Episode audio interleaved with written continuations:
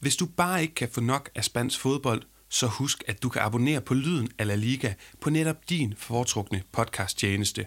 Så går du ikke glip af nye udsendelser, men du kan også finde tidligere afsnit med Jens Jønsson, Andrew Julesager, Danilo Arieta og mange, mange flere.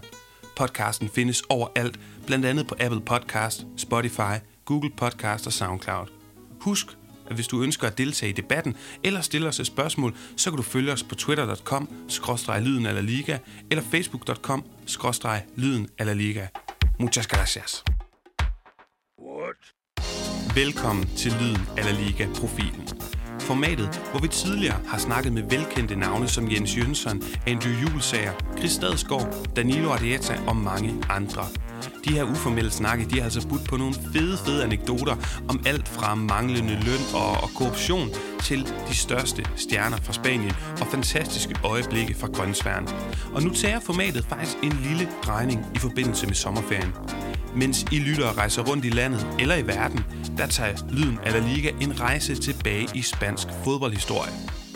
Vi skal helt tilbage til 80'erne, hvor en god håndfuld danskere faktisk var at finde i La Liga. Allan Simonsen, Frank Arnesen, John Lauritsen, Tommy Anson Christensen, Kenneth Brylle, Michael Mex Pedersen, René Hansen, Brian Kreuz og Michael Laudrup.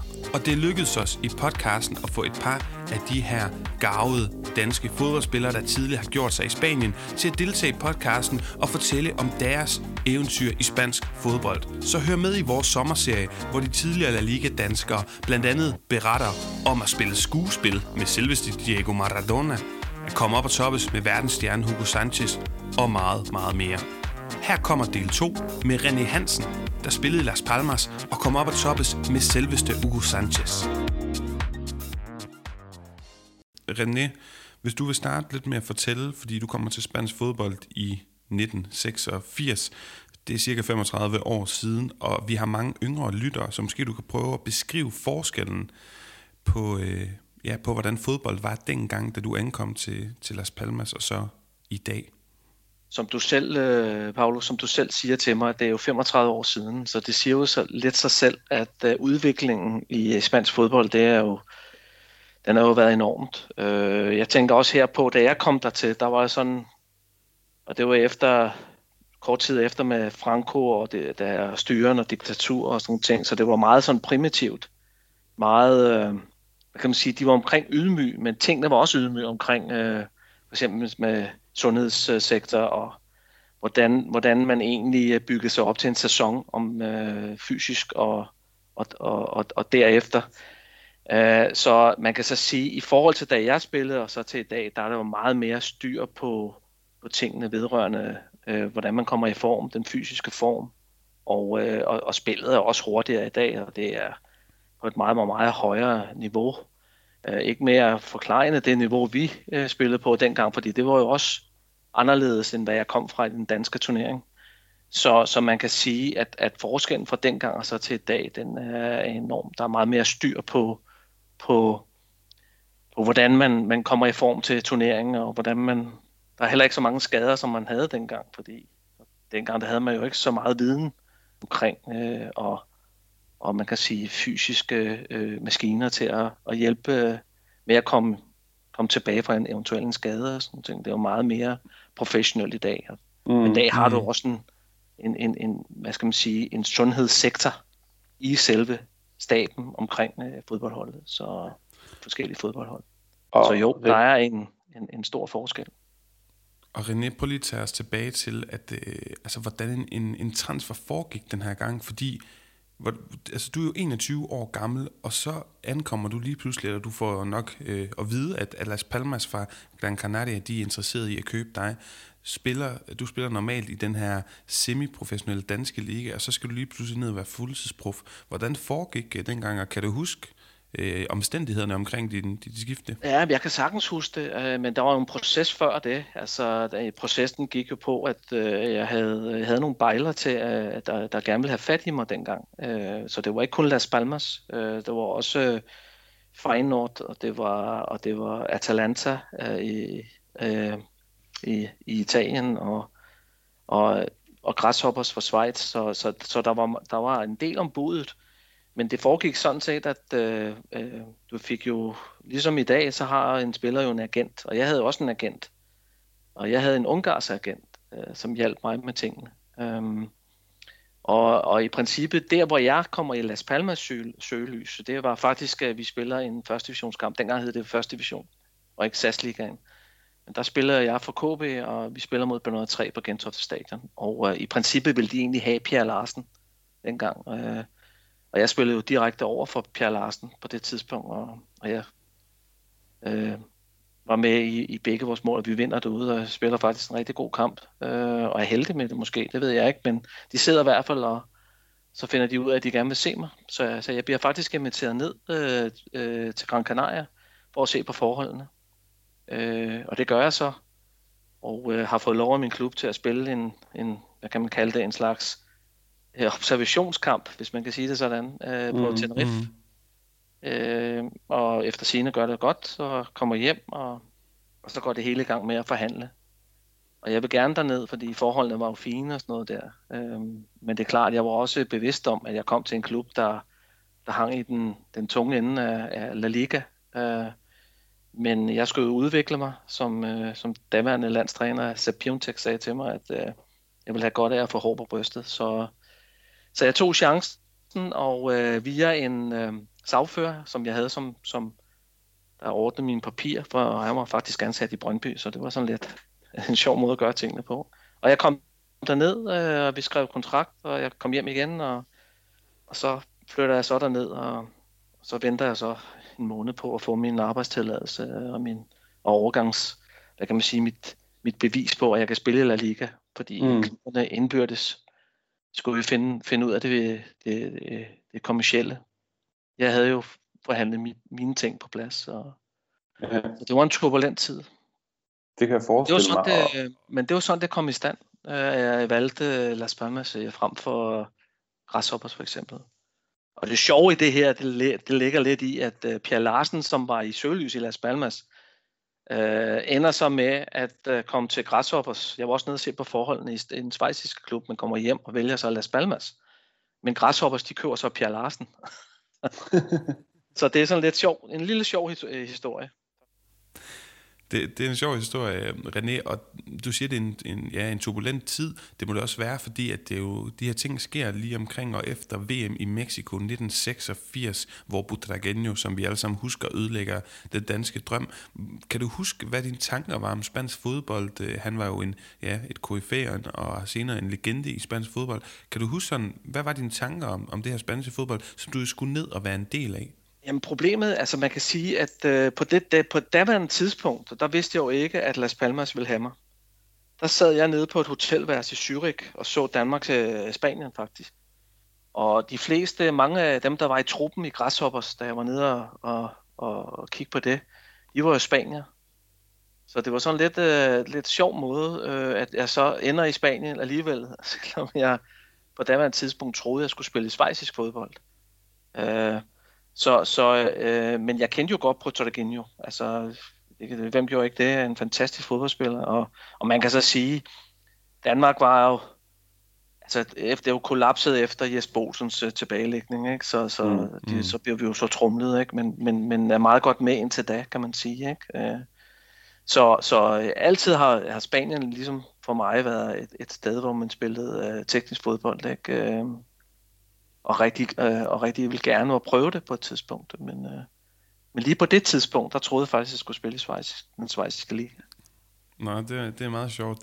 René, så kommer du jo ned, øh, og der er jo faktisk kun spanier i den her Las Palmas tog. Så er der en chilener, de snakker også spansk, hvis ikke man vidste det. Og så er der så danske René. Hvordan, hvordan foregik det sprogligt?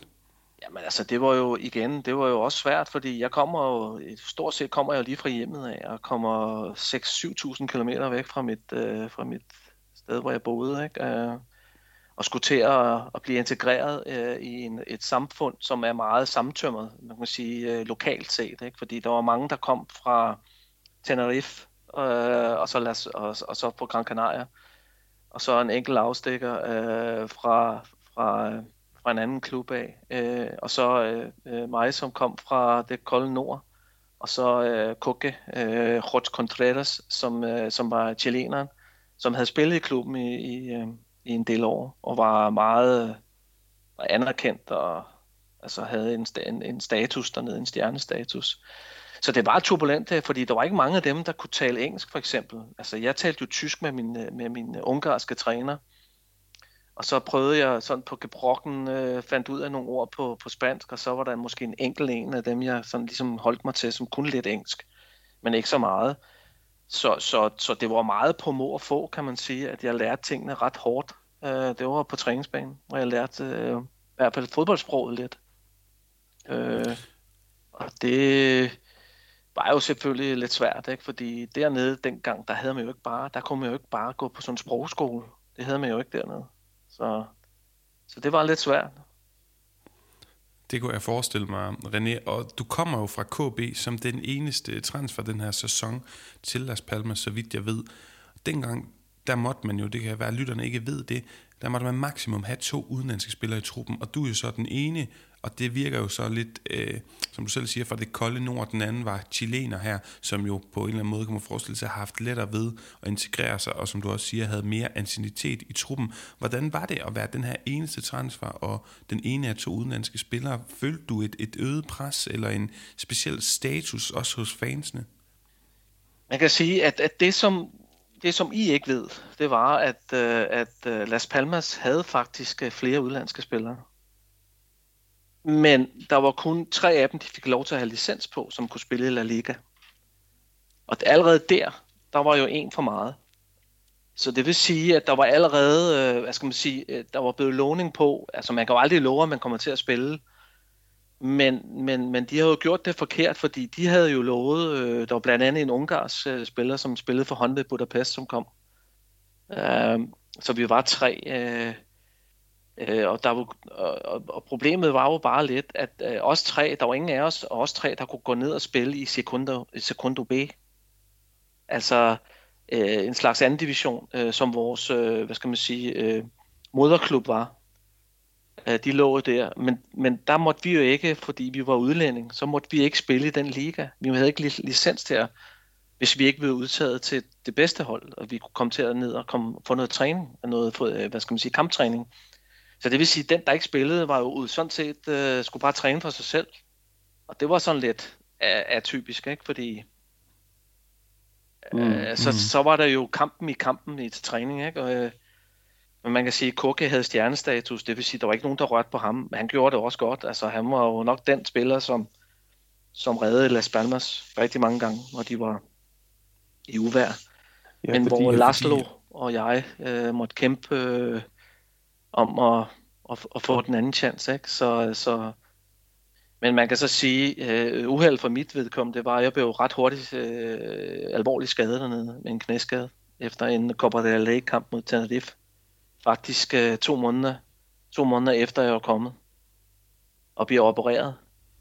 Øhm, og, og, og jeg var, det jeg sagde lidt før omkring den her sundhedssektor, som var dengang, den er jo ikke ligesom den er i dag, fordi i dag der er der fuldstændig styr på de, hvad skal man sige, øh, spillere, som, som gennemgår operationer og sådan ting. Jeg havde et, en lille lejlighed, jeg blev sendt med en taxa til en lejlighed, hvor der var fem redskaber, jeg kunne bruge. Og så kunne jeg ellers passe mig selv, eller også så kunne jeg lave nogle øvelser på stadion.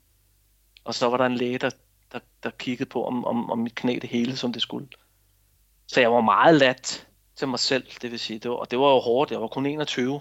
Altså, jeg var ikke særlig gammel jo. Mm-hmm. Mm-hmm. Øh, så flere gange, der tænkte jeg, ved du hvad, det her, det står jeg så ikke model til, nu er jeg hjemme, ikke? Og det, det, du ender jo også med at rejse hjem efter, efter en sæson, René, men lad os lige tage det øhm, lidt senere, for jeg kunne jeg, jeg kunne rigtig godt tænke mig nemlig at høre det her med, øh, du nævnte selv, at Kukke var en, var en dygtig spiller i truppen og sådan noget. I var jo rigtig mange lokale spillere i, i, i den her trup, og så nemlig dig og, og Kukke og så Laszlo, som du siger. Rigtig mange har jeg også været inde at se, at spillerne øh, fra Las Palmas, de ender i Mas Palomas, en anden klub fra Gran Canaria. Og i dag, der eksisterer den her tanke om i Spanien, at Las Palmas, det er lidt mere uformelt, sjovt sted, lidt øh, useriøst, og måske nogle gange hygger man sig og fester lidt for meget, øh, men at det også kan på en eller anden måde have indflydelse på fodbolden, hvor vi senest har set Kiki Setien øh, spille med Las Palmas, altså være træner for Las Palmas, hvor de spillede meget øh, underholdende, farverig fodbold. Kan du sige lidt om, om det også var din oplevelse af, af stedet, og om I også spillede sådan lidt ja, offensivt øh, farverig fodbold? Først vil, jeg lige, først vil jeg lige konkludere, i hvert fald at sætte én ting på plads. Når vi spillede, så var det seriøst. Når vi trænede, var det seriøst. Mm. Alt det udenoms, det var vi ikke en del af. Men, vi er, men det er rigtigt, at, at uh, man havde den der tendens til at tro, at uh, tingene var lidt mere useriøse i forhold til de andre klubber i, på fastlandet og sådan ting. Men, men det var det ikke. Problemet var bare, at Las Palmas som så var jo ligesom styret af medierne. Det er jo selvstyret, øh, Gran Canaria. Og de var ligesom styret af, af hvad kan man sige, medier og ting og sager. Øh, og de var jo så også med til at uh, punke en masse penge i foretagende Union Deportiva Las Palmas. Det vil sige, at, øh, at, at, at, at de havde et lidt indflydelse på, hvad der skulle ske øh, på banen faktisk. Ikke? Mm. Øh, men, men jeg vil sige, at vi har altid, når vi, når vi, altså, vi har altid prøvet og formået at drille, og det er også derfor, de år, eller kan sige, da jeg var dernede, da vi redder os, vi redder os på vores hjemmebane. Vores hjemmebane var jo vores et og alt. Vi var ikke særlig gode ude. Men på hjemmebanen, der, ville vi, der var vi frem over stepperne, og mange gange så lykkedes det, og så nogle andre gange så lykkedes det ikke. Men, men vi spillede noget, noget positivt, noget offensivt fodbold, og så håbede vi på, at øh, det ikke gav bagslag bag, bagved. øh, og, og det vil sige, at vi, vi, vi fik nogle rigtig mange store kampe dernede, men, men, men, men vi kollapsede også, når vi var ude, ikke? fordi det var man ligesom ikke givet til at komme fra 20 grader, og så skulle spille i Madrid med minus 2 eller minus 3, eller op i Baskerlandet for eksempel, og det er meget svært at spille, mm. når man kommer mm. langt, langt fra. Ikke? Så, mm. mm. Men øh, nej, altså det var ikke useriøst.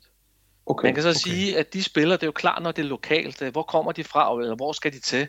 Og man kan så sige, at, at på daværende tidspunkt, hvor jeg spillede dernede, der var der jo nogle, nogle af de gamle Union Deportivo-spillere, som øh, fik sit odium øh, sådan længere ned ad rækkerne, og der spillede de for eksempel i Mas Palomas eller i Telte, for eksempel. Telte lå jo også i, i 3. division på et tidspunkt, kan jeg huske. Mm. Mm. Der var der mange af de, dem, der havde spillet rigtig mange år øh, på førsteholdet i Las Palmas. Der sluttede de jo af dernede, og andre tog så tilbage til Tenerife, hvor de, hvor ligesom var, hvor de kom fra. Ikke? Der var også rigtig mange fra Tenerife. Men René, du snakker selv om den her træls knæskade. Øh, du snakker om at være ung og isoleret, sprogbarriere. Men er, er man begyndt øh, på det her tidspunkt i Las Palmas, er det blevet et ferieparadis? Kan man også snakke om, at du oplevede, fordi når jeg snakker om det her hygge og, lidt, og festlige element ved Las Palmas, så kan man måske også snakke om det uden for fodboldklubben. Altså fik du også lov at opleve, at det her det er et sted, hvor man er god til at, at, at have det fedt og hygge sig og nyde tilværelsen? Altså, først og fremmest så vil jeg så sige, at jeg skrev en, øh, jeg skrev en kontrakt med Las Palmas, og det vil sige, at øh, for mig øh, skulle det jo ikke være hygge jo. Altså, øh, det sagde de også til mig. Altså, du er ikke kommet ned for at hygge, du er kommet ned for at spille fodbold. Og det sagde de jo sådan set til, til alle sammen. Så, så det var jo således, at øh, og man havde jo muligheden for at gøre det. Man havde muligheden for at tage til syden og bade og sole sig og sådan nogle ting. Men, men det måtte man bare ikke. Og det vil sige, så havde de jo de her folk i, i i, i omkring øh, det administrative, dem vi kalder detektivus, øh, som gik rundt på, på, på strandene og holdt øje med, om spillerne lå eller om de ikke lå. Og hvis de fandt ud af, at der var nogen, der lå der, jamen så fik man bøder. Okay. Og det var, det var store bøder. Så, så, så, så det var ligesom op til en selv at finde den her form for disciplin, om hvad mm, er det egentlig, mm. man vil. Og vi var jo alle sammen enige om, at det, det der handlede om, det var at spille fodbold. Det, det handlede om, det var at skulle spille La Liga året efter os. For ellers, hvis det var, det var useriøst, så kunne vi jo lige så godt lade være med at spille, fordi så ville vi rykke ud. Fordi vi havde det svært. Mm. Så, så øh, og, og, og, og det var sådan lidt, det var en blanding af, at man skulle også passe på, at man ikke tog for meget på, og man skulle passe på, at man ikke spiste for meget, fordi man blev vejet stort set hver anden eller hver tredje dag. Og hvis man vejede over det, altså inden for en vis, fik man også bøder. Så der var mm. hele tiden, der var hele tiden restriktioner på. Men det skal det jo nok også være, når, når man spiller i en af de, de bedste ligaer i, i verden. Ikke? Klart. Det, det, og alligevel så overrasker det mig positivt, at her midt i 80'erne, jamen der var man så langt fremme, men det er måske også nogle af de ting, som er, er, er forskellige fra en tilværelse som, som semiprofessionel øhm, i, i, eller deltidsprofessionel i Danmark, og så til fuldtids i, øhm, i Spanien. Og René, I var jo flere danskere i de her år i Spanien. Det overrasker mig meget, at både John Lauritsen i, i Espanyol, Kenneth Brylle i Sabadell og så Michael Pedersen i, i Osasuna øh, spiller i den her sæson, hvor du er i Las Palmas. Øh, jeg snakkede med Michael Pedersen øh, for, for, for, for noget tid siden, lavede, havde den samme snak om La Liga i 80'erne her, som jeg har med dig nu. Og han siger, at øh, jamen, han kan faktisk godt huske øh, det her med, især dig øh, snakkede han med, og John Lauritsen, øh, i forbindelse med altså dig, da han var nede og spille, da de var nede og spille på Las Palmas og Sasuna. Har du nogle minder om de her danskere? Var der en, en et form for sammenhold, eller kan du huske, I snakkede øh, sammen, når I mødtes, øh, altså klubberne, I, I repræsenterede?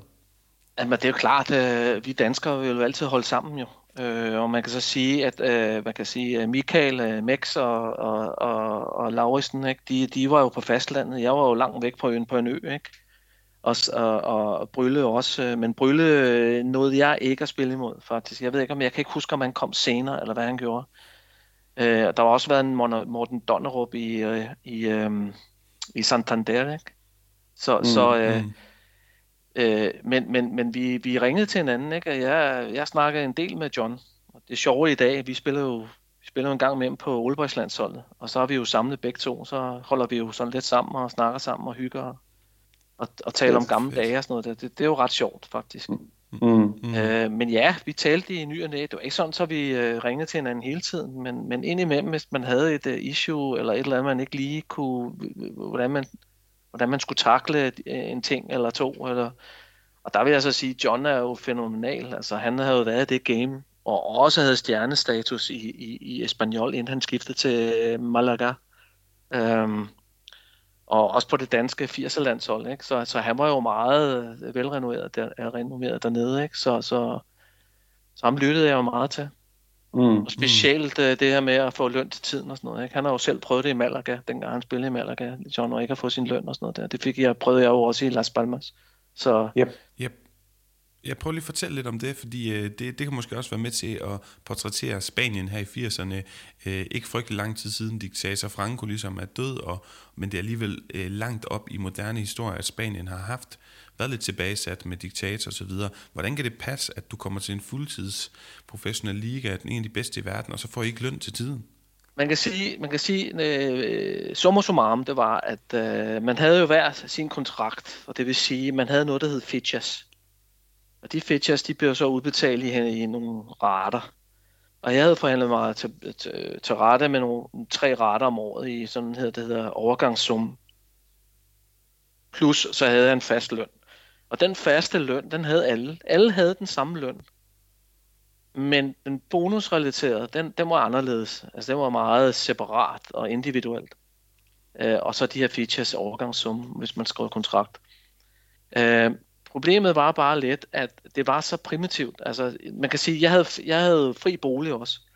Så det vil sige, at jeg boede et sted, øh, og der skulle jeg så, øh, klubben skulle så betale øh, det, det sted, hvor jeg boede. Men sådan var det ikke. Det var noget med, at jeg skulle op på kontoret, og så fik jeg en masse pesetas i hånden, gik op til, til hende, der ejede lejligheden, og så sagde her har du så øh, måneds, øh, måneds husleje.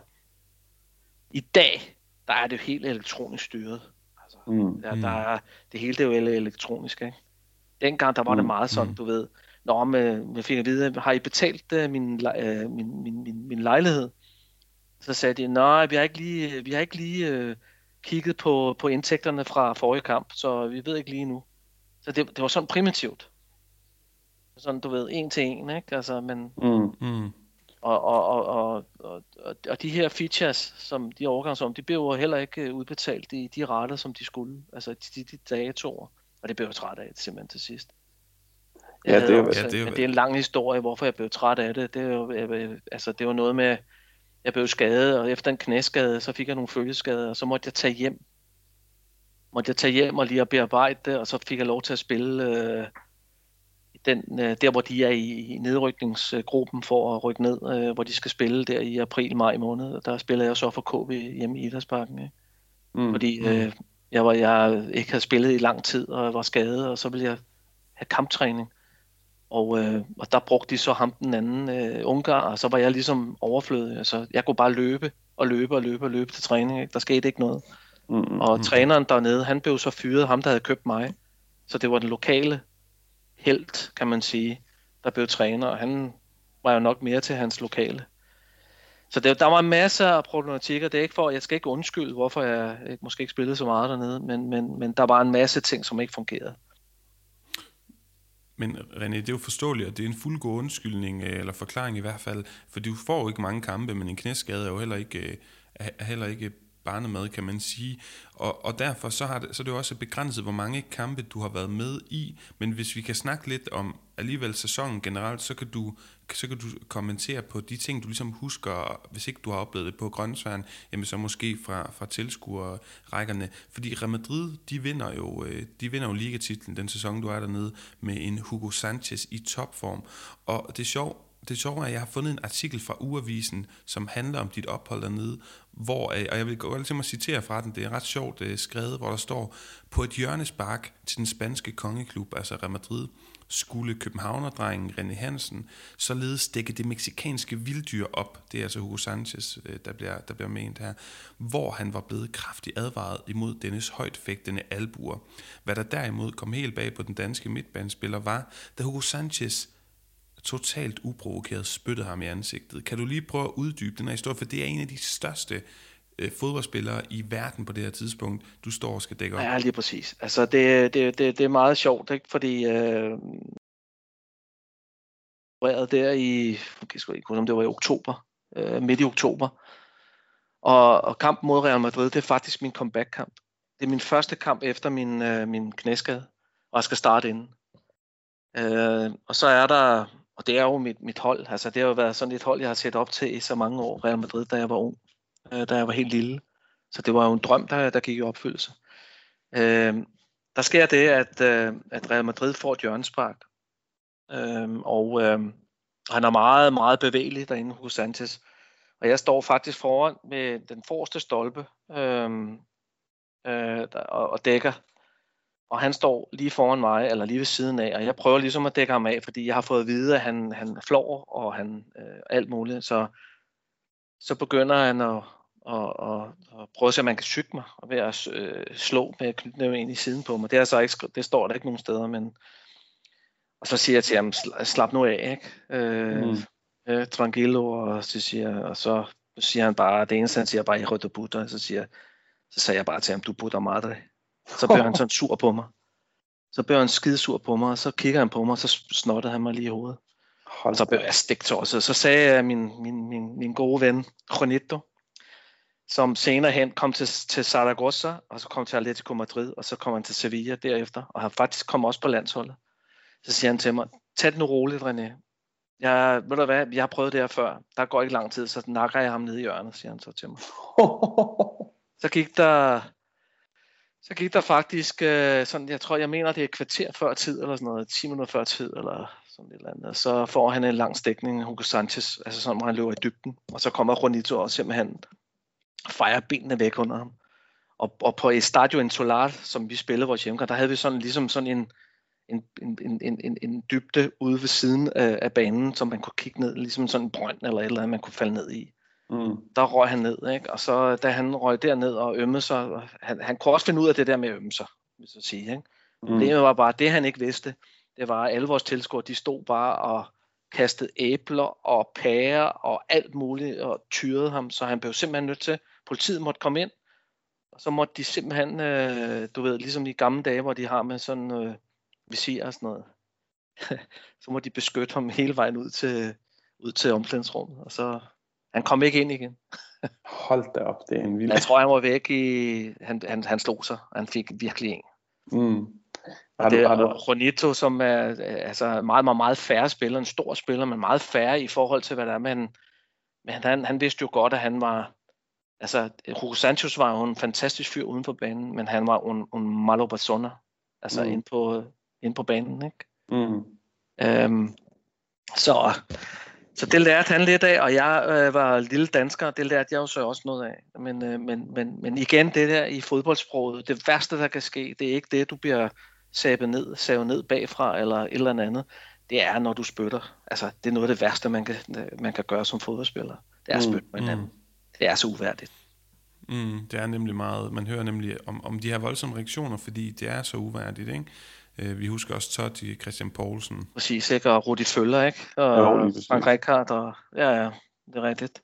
Det, det ja. hører ikke nogen steder hjemme. Det er Nej. bare så naturligvis gør det ikke det, men, men René, jeg tænkte, altså, har du, har du nogle, for du siger selv, at du var fan af Real Madrid og så videre, har du, har du no, også nogle positive øh, minder fra den her kamp, det er dit comeback, det er din, øh, hvis man kan sige det sådan, barndomsklub, eller den du var fan af på den måde? Det har jeg, fordi øh, man kan sige, at øh, nogle af de, der er blevet taget nogle billeder, hvor øh, blandt andet, hvor, øh, hvor Mitchell og jeg, vi løber ved siden af hinanden og kæmper om fodbold, øh, fodbolden, så og bagefter, der har vi jo sådan en, en, en hvad kan man sige, øh, en banket, hvor, øh, hvor, hvor vi mødes med spillerne. Og man kan sige, at Real Madrid og Unión Deportivo Las Palmas har altid været en slags venneklub, altså sammen, hvor de hjælper og hygger med hinanden, når man har spillet og sådan noget der. Uanset om man har spillet i Madrid, eller om man har spillet på Gran Canaria. Så, så, så, så det var jo stort for mig at få lov til at være en del af det og hygge sammen med de her totalt professionelle fodboldspillere, og specielt mit forbillede, som er Mitchell. Sad jeg og snakkede med i lang tid. Øh, han spurgte, hvordan det var at bo i så koldt et land og sådan nogle ting der. Ikke? Mm, så, så blandt andet, ikke? Og, og utrolig sympatisk. Utrolig sympatisk. Altså, det er fantastisk og, øh, at, at høre. Man kan så sige, at Hugo Sanchez var så ikke med til den banket, det var, fordi han var et andet sted hen. Ja. han, han blev faktisk kørt til observation.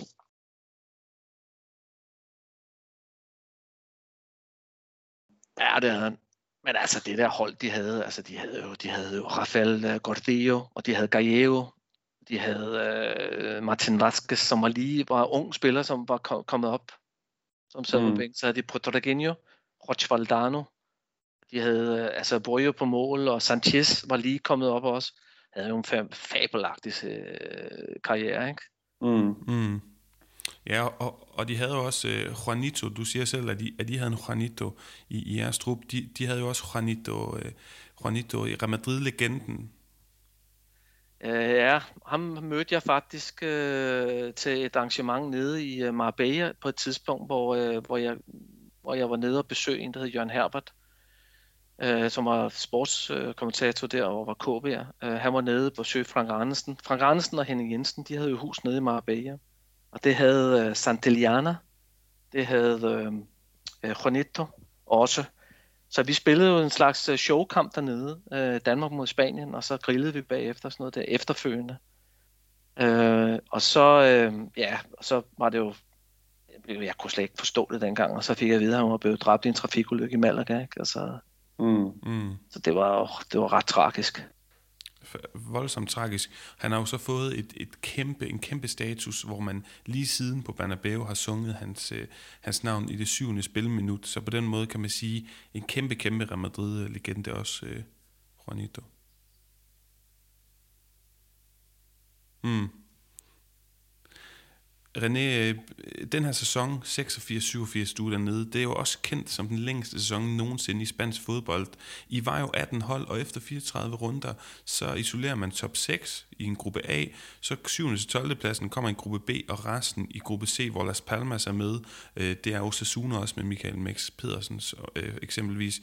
Og så mangler man så, øh, I mangler to point for at spille med i den her midtergruppe, som jo havde været noget pænere, tænker jeg, i forhold. Ja, vi vil have så samme point, som, som det hold, der lå over. Ikke? Altså, vi skulle være sikre os helt, så det var tre point. Ikke? Mm. Og det, jeg godt tænke mig at spørge dig om, det, det her med, at nu skal I så spille, spille de her små grupper hjemme og ude mod de øvrige fem hold i jeres, kan man kalde nedrykningspulje, og det ender så med de 44 liga kampe, som gør det til den længste sæson nogensinde. Øh, og, og ellers tanken havde været, at der bare, altså nederste tre, de skulle være nedrykkere, men lidt typisk spansk midt i sæsonen, så laver man det hele om, udvider Primera og Segunda Division fra 18 hold til 20, og så skulle de tre nederste spille øh, playoff, og I er tre point fra at spille playoff. I redder jer, men tre point fra. Husker du det drama? Det var et stort drama, fordi man, som du selv sagde, at, at, at de lavede lige pludselig om på tingene, og så blev det lige pludselig mere vanskeligt gjort at man lige pludselig lå i en suppedaser, hvor man, hvor man egentlig kunne, altså, ja, nu, nu, skulle man spille om, nu skulle man spille om nedrykning, ikke? Mm. Øhm, mm. Så, så og jeg kan huske, altså, hvad jeg kan huske, det var, at, øh, at, at alle de små klubber, eller det, altså, de synes jo lige pludselig, at altså dem, der havde i reddet sig, hvis man kan sige det sådan, ikke havde reddet sig alligevel. Og så man skulle man ud i noget drama. Det kan jeg da huske, at, at det, var, det kom der bag på. Det tror jeg ikke lige klubben havde, havde regnet med, at, at man skulle ud i det øh, så sent i sæsonen faktisk. At man lige pludselig lavede det om. Så, så men, men, men de holdt fast ved, ved den struktur, så øh, ja, man må, man må jo bare komme igennem det så godt man nu kunne, og så håbe på, at man ikke rykker ud.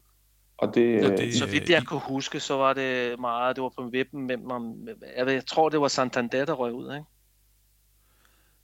I hvert fald så redde de her øh, René, og det er jo i virkeligheden det, det, det hele handler om i den her sæson. Og så, øh, ja, så, så, så tager du så retur til Danmark. Du har selv sagt, der var nogle, nogle problemer med at komme på holdet, din knæskade og løn, der heller ikke kom til tiden. Hvad, hvad var dine tanker, ligesom, da du gjorde status der og sagde, ved du hvad, jeg skal tilbage, øh, tilbage til Danmark igen? Altså man kan sige, at den kontrakt, jeg havde, man kan sige, hvis jeg skulle tilbage til Danmark, så kunne jeg ikke, jeg kunne ikke komme tilbage øh, til KB, fordi KB havde ikke pengene øh, til at få mig, få, få mig hjem. Og det vil sige, at, at øh, for at gøre en lang historie kort, inden jeg tog til Spanien, der havde jeg faktisk lavet en forhåndskontrakt. Altså, hvad kan man sige, jeg havde næsten lavet en aftale med Brøndby. Så, så det var nærliggende, at jeg så tog turen, hvis Brøndby stadigvæk ville købe mig hjem, hvis det var det. Og det lykkedes jo. Altså, øh, Per Bjergård, og så fik vi lavet en kontrakt, og jeg købte mig selv ud. Altså, jeg brugte selv nogle af mine penge til at købe mig fri, og så fik jeg pengene af Brøndby, da jeg kom hjem. Okay. Og det, men jeg vidste også godt, det blev svært, fordi vi på daværende tidspunkt, der var jo rigtig mange, øh, mange øh, midtbanespillere. Vi havde jo, vi havde jo syv midtbanespillere i Brøndby, hvor de fem var landsholdsspillere. Ikke? Mm. Så det var, det var en hård tid, men øh, og så kan man så diskutere, om det er det, jeg skulle, men jeg synes bare, det ville være, det ville være fejt af mig at sige, at jeg skulle nok have gjort noget andet. Nej, det vil jeg ikke. Jeg vil stå fast og sige, at det var det, jeg troede på, at jeg skulle gøre dengang. Det vil sige, det vil jeg ikke løbe fra. Men selv i bagspejlet skulle jeg nok have gjort noget andet. Men uh, sådan er det. Men jeg kom næsten aldrig, altså jeg kom ikke rigtig over den knæskade, som jeg fik dernede fra. Den uh, hæmmede mig. Jeg var sådan rimelig hurtig som fodboldspiller, men da jeg havde min knæskade gjorde bare, at jeg blev langsom, og så jeg måtte sadle om og så spille på en, på en anden måde. Mm. Mm. Og det skulle jeg lige bruge en del, del tid til. Ja, forståeligt nok jo, men, men når du så kigger tilbage, vi er ved at være noget ved vejs ende i, i den her snak om din tid i, i Spanien. Når du så kigger tilbage på den her sæson 86-87, og du kigger tilbage på din tid i Las Palmas, din beslutning om at tage dig, tage dig ned, og din beslutning om at tage hjem igen, dine skader, forsinket løn og, og alle de andre øh, ja, ting, vi har snakket om, været inde på. Er der, er der noget, ligesom du, du, er der nogle andre sjove anekdoter, eller noget mærkværdigt, vi skal have med på falderæbet her, fra din tid øh, dernede? Ej, jeg vil sige, hvis vi skal gå tilbage og omkring en anekdote, så vil jeg da bare, så vil jeg sige, at vi skulle møde, øh, skulle møde der i den sæson, Atletico Madrid. De havde jo fået øh, slagteren fra Bilbao, Atletico Bilbao, der hedder Goycochea, ham havde de fået ind i deres trup. Og, og, og, og de her kanariedrenge, de sagde jo til mig, at øh, nu, nu skulle jeg, fordi de, de betegnede ham som øh, Jason fra fredag den 13. Fordi, ja, ja, og det, og det er forstået på den måde, at øh, en uge før vi skulle spille mod Atletico Madrid, der havde han brækket næsen i en kamp op i, øh, op i Bilbao, eller op i, eller i, ja, nej, i Madrid, øh, Atletico, mm. da han mm. spillede for Atletico Madrid der. Der havde han brækket han brækkede næsen, og så, øh, så sagde han, nej, der var, der var ingen grund til at stå over, så han skulle spille igen. Så, så de sagde til mig, at den maske der, den lignede ligesom ham Jason på fredag den 13. Han siger, ved du hvad, det skal du ikke tage dig af. Du skal bare løbe udenom ham, siger de så. Og så da vi spillede, så var der en sekvens, hvor, hvor jeg kommer løbende med bolden, og så skal jeg til at sparke ud, og der kan jeg se, der løber han op imod mig. Og der tænker jeg, ved du hvad, René, du bliver simpelthen nødt til at skavle ved den bold nu, og så må du løbe ud i siden og prøve at gemme dig eller et eller andet. det, øh, men man får ligesom lidt det der ned ad ryggen, ikke, og siger, ved du hvad, han, han, han, man vidste jo, at han havde brækket benet på Maradona, ikke? Så, jo. Jo. Øh, så, så han var en hård hud. Han var en hård hund, det var han altså. Øh, men, men, men samtidig bagefter var han jo også sympatisk at snakke med. Altså, så, så man, man får sådan nogle billeder, og så ved man ikke, hvordan de er uden for banen. Men mange af dem er jo heldigvis søde og rare uden for banen. Mm. Hvad, hvad med Hvad med Barcelona-holdet, René? Øh, jeg tror ikke, du når, jeg tror ikke, du spiller mod dem i sæsonen, men... Øh, øh, hjemmebanen, hvor vi spiller mod øh, Barcelona. De har jo så Terry Venable som træner, og så har de Gary, Gary Lineker, Mark Hughes, og så uh, Steve Archibald i, i truppen. Ikke? Mm, ja, og, og Gary Lineker, som bliver topscorer ved, ved det VM her i 86, en stor mand, og også vice-topscorer i den sæson, hvor du er dernede. Øh, ja, har du nogen minder for det hold der? Jamen ikke andet, at uh, nu er jeg jo, nu er jeg jo ikke Barcelona-fan, men jeg er Real Madrid-fan, men, men jeg, jeg husker jo tydeligt, at Real Madrid var, var klart et bedre hold end Barcelona. Uh, Terry Venables ville jo gerne spille lidt britisk. Uh, det er jo klart, når han havde sin, sin, sin, sin spiller fra England af. Uh, ja, så Steve Archibald fra Skotland selvfølgelig. Men, men, men um, de, det var ligesom om, at de kunne ikke rigtig finde ud af det, at spille på den måde, som Barcelona er bedst til, ved at spille bredt. At spille tiki-taka fodbold og sådan noget. Det gjorde man så ikke dengang der. Og det ødelagde nok lidt af deres... Så vidt jeg kan huske, så var, blev han heller ikke så lang tid dernede, Terry Underbos, tror jeg. Mm. Mm. Så, og jeg tror, det er meget sjældent, at man ser en, en, en britte spille i Barcelona. Ja. Så, ja. Jeg tror kun, det var det om et, et, et, de år der. Jamen, øh, René, som sidste bemærkning, eller sidste spørgsmål øh, i, i den her snak, så kunne jeg egentlig godt tænke mig at høre, fordi at der er mange af os øh, lidt yngre fodboldfans, som når vi kigger tilbage på 80'erne, så er en af de ting, der ligesom stikker ud, det er de her sindssygt flotte fodboldtrøjer, øh, som har det her helt der, der var noget ikonisk over 80'ernes øh, tøjstil inden for fodboldmoden. Har du stadig øh, en, en spillertrøje liggende fra Las Palmas? Hvis jeg skal være helt ærlig, så har jeg det. Men hvor den ligger, eller hvor de ligger, det ved jeg ikke.